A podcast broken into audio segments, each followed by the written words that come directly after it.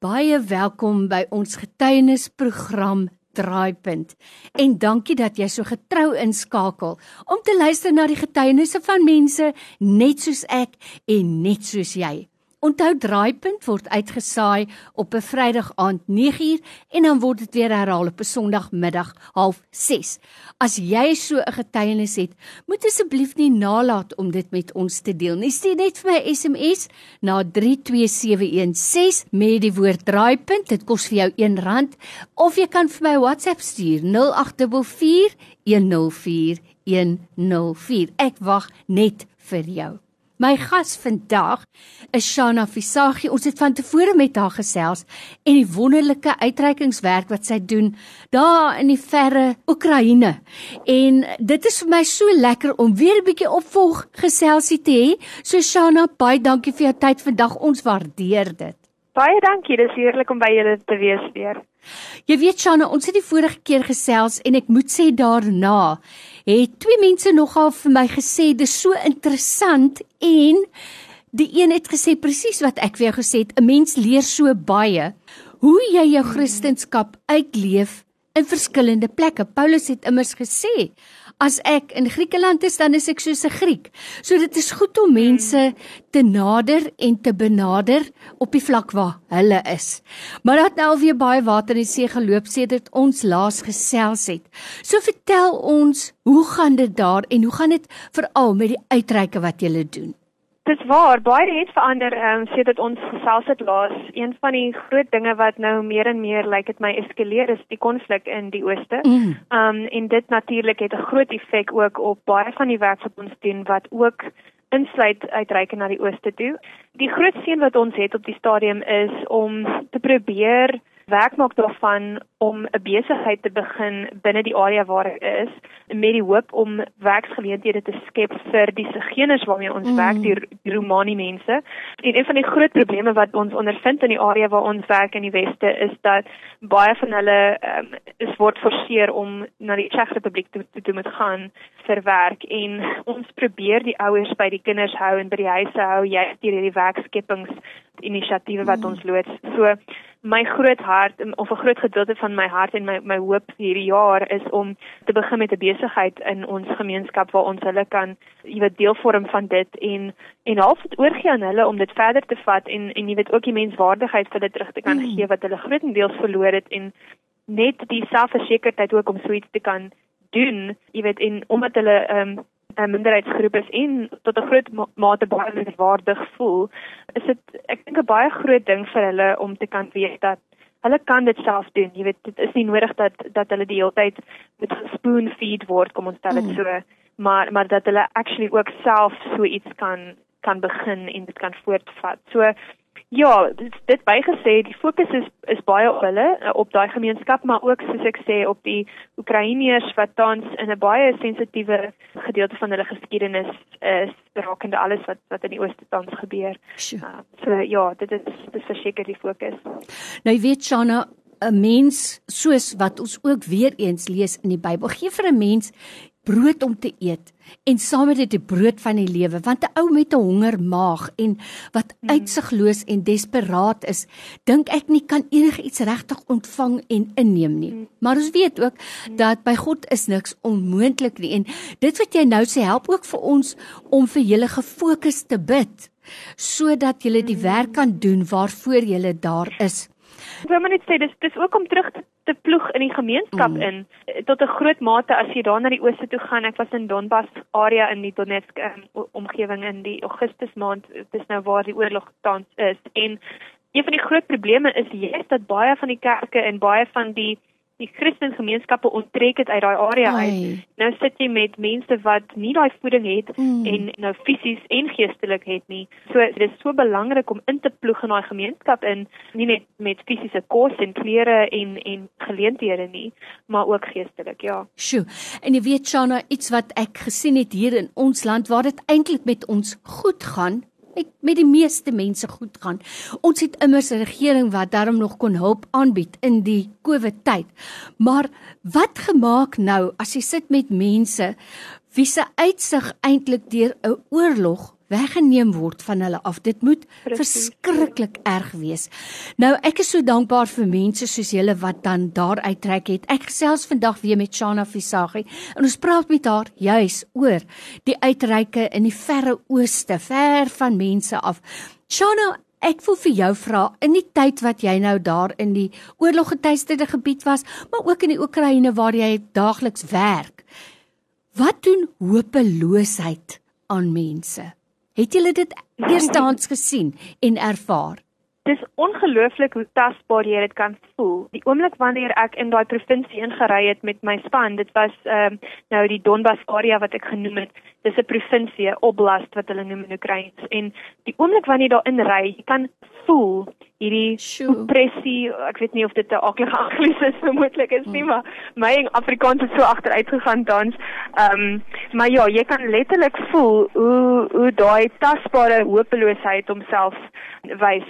En in die mense se gesigte, ehm um, die trauma wat daar beleef is al is dis astronomies regtig en Dis hoekom ek sê dit is so seën dat ons uitreike kan doen, maar die hoop is om éventueel meer permanent daar te kan te kan wees. Um, mm. Ons weet nie wat nou gaan gebeur in terme van die politiek nie. Ons is juis vandag besig om samesprekings weer te hou rakende ehm um, die politieke toestand en en wat die besluite is, maar ja, ek dink 'n groot deel van Oekraïne ehm um, is baie bewus van die die sterk moontlikheid dat dit in oorlog kan verander. Sover noem hulle dit 'n gefriesde oorlog. 2014 was die jaar waar dit begin het. En um, ons ons het dit nou al van nou af al vir die gefriesde oorlog gesien wat aktief is en dan weer stil is vir 'n paar weke en dan weer begin. Terloops toe ek al was, daai dag, daai oggend 8uur was daar 'n missiel wat deur die dorpie gegaan het waar ons uitgereik het. Daai oggend 10uur toe ons daar. En net 2 ure later en ons kon die die verskriklike net devastasie wat daardeur ge veroorsaak is net ons kon dit sien en en die mense wat geskok was en ek het die die eer gehad om met 'n man te praat 'n uh, oom gesels wat was seker in sy 80s en sy laat 70 en hy het vir my vertel dat hulle woon basies 30 meter weg van die die rooi sone waar die separatiste is. Ai. En wat hy gedeel het was hy het in 2014 met sy vrou en sy kinders, hulle het oor die grens gegaan toe dit nog nie gevat was nie om vir mense te gaan kuier en toe dit uitbreek, toe hulle afgesny van hom af en hy het hulle sedert 2014 nog nie gesien nie met die blote oog nie. Daar's geen internet nie, daar's geen water nie, daar's geen gas nie. Baie van die um, kos is afgesny. Ehm um, so dis 'n groot groot probleem en jy sit met dorpe van mense wat uh, gestremd is en wat ouer die ouer garde is wat al die jong mense weg weg na die weste toe getrek het. So daar's leemtes daar wat mm. gevul moet word. Sjoe. Nou uh, ten slotte, ons tyd gaan so vinnig verby. Ek kan dit self nie glo nie.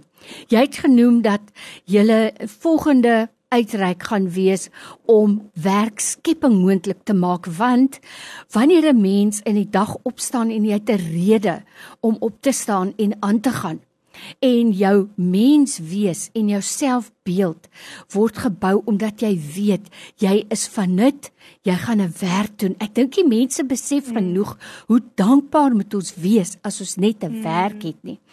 Wat se hulp benodig julle? Hoe gaan julle dit doen? Hoe lyk die logistieke? As daar van ons luisteraars is wat nou luister en wat voel, ons sal op 'n manier wil betrokke raak of help, hoe mm. kan hulle dit doen? Absoluut. Een groot ding wat mos nou maar altyd 'n faktor is, is finansies, ehm ja. um, donasies. Uh en en dit is grootendeels om te help met om so 'n besigheid te begin, veral ook die materiaal wat aangekoop moet word. Ons hart is om 'n uh, craft uh, center op te maak vir diegene om hulle te help om handewerk te kan doen en om te mm. leer hoe om met naaimasjiene te werk en al daai goedjies is natuurlik goedjies wat aangekoop moet word. Verder ook die huur van 'n 'n uh, plek waar ons dit wel kan doen en en dan natuurlik ook om te finans uh, te finansier um uh uitreike na die ooste toe. My hart is om van die sigeners saam met ons te vat. On, ek seker meeste mense kan verstaan dat sigeners is redelik op neergesien deur meeste Europese lande, veral die Russe en die Oekraïners mm. en dat is ongelukkig redelik uh, rassisties wanneer dit kom by by hierdie kultuur. Ehm um, maar om om 'n ander indruk te skep, is dit juist wat blootstelling benodig word. En en dis is dit 'n groot hartbegeerte vir my ook om om vir hulle saam te vat op op reise wat mm. betaal moet word ongelukkig want hulle het nie die finansies daarvoor of die finansiële vermoë om alself of of, of mm. kaartjies en goedjies dit te koop nie. so om hulle ook te kan te kan help finansiëel en Mm. so ja, dit is 'n groot dis 'n groot behoefte. Verder is dit ook die gebedsversoeke um, wat deurgestuur word aan mense wat belangstel om daarvan te weet. Um ek kan vir julle my e-posadres net los. Dit is uh, shanzi met 'n z shan en dan z i e aan die einde dot fisagi 19 @gmail.com shanzi.fisagi19@gmail.com. Hulle kan my ook uh, op Facebook ehm um, soek. Dit is net Shanna met twee n's en dan Fisagi of op Instagram. En ja, dan kan hulle verseker vir my meer vra indien daar vrae is. Ek is seker hulle kan ook as hulle belangstel stel vir my kontak. Ek weet nie of ek my nommer dalk is beter kan. om maar eers die e-pos net te los. Ehm um, ja, die nommer is uh, 060 949 7642. Dis 0609497642. Dis my ehm um, tans my Suid-Afrikaanse nommer, maar natuurlik wanneer ek oor see is, gaan dit weer verander. So dan kan hulle maar net aan op die e-pos of die wat ook al op die Facebook of so. Shanna, Ja, en so, wanneer is jy ehm, op pad dankie. Terug? Um my my datum is die 29ste, dan vlieg ek Kiev toe. Uh ons gaan daarso ook uh, tyd saam met 'n uh, paar YWAM sendelinge deurbring om net meer en meer uh kontakte te bou. Ek dink een van die belangrikste goed is om genoeg kontakte te hê met mense in die ooste. Um en nou iets sou gebeur om te kan weet wat ons opsies is om uit te reik. Juis wanneer die oorlog daar moontlik begin, gaan dan it will be all hands on deck. So dan gaan ons almal as sendelinge waarskynlik optrek saam en, en saam iets doen. Die ding is dis nie polities nie, dit gaan oor om Jesus uit te leef Ja. in 'n area wat dit so nodig het. So dit is ons harte. Sjoe, wonderlik en dit is vir my so bemoedigend om te weet dat daar selfs jong mense is wat die hande en die voete en die gesig van Jesus gaan Amen. wees in 'n plek waar mense desperaat is en honger en onseker en soms selfs hopeloos voel om daar lig Ja. te wees en hoop te wees. So vir die Ja. wonderlike werk wat julle doen. Baie baie dankie en ons luisteraars is gebedsstryders so ek weet hulle sal ook vir julle bid op julle pad. Amen. En as jy daar is en jy voel 'n bietjie alleen en jy voel eensaam, moenie vergeet nie daar is mense wat vir jou bid. Baie dankie. Dis 'n groot seën te weet ons is groot deel van hierdie groot familie uh, van gelowiges en uh, ja, al hierdie werk doen ons saam vir die Here. Dis nie 'n individualistiese werk nie. Dit is iets wat almal deel in het. Amen. Die Here daarvoor. Die Here sê as een lid lei, lei al die lede. So as ons broers en Presies. susters daar in die verre ooste swaar kry, dan moet dit ook ons harte raak. Presies. Visagie, vir jou tyd vandag weer. Ons waardeer dit en baie dankie uit my hart uit. Baie dankie vir die geleentheid. Seën daar.